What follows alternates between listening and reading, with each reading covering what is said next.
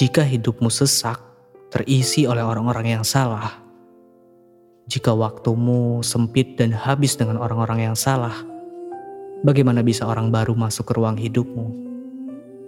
Evaluasi waktumu dengan orang-orang di sekitarmu. Mana yang membawa kebahagiaan? Mana yang selalu ada di sampingmu? Mana yang membuatmu merasa nyaman? Dan mana yang harus dieliminasi? Karena yang tidak membawa kebahagiaan hanya menyedot energi positif dalam dirimu. Indra Sugiarto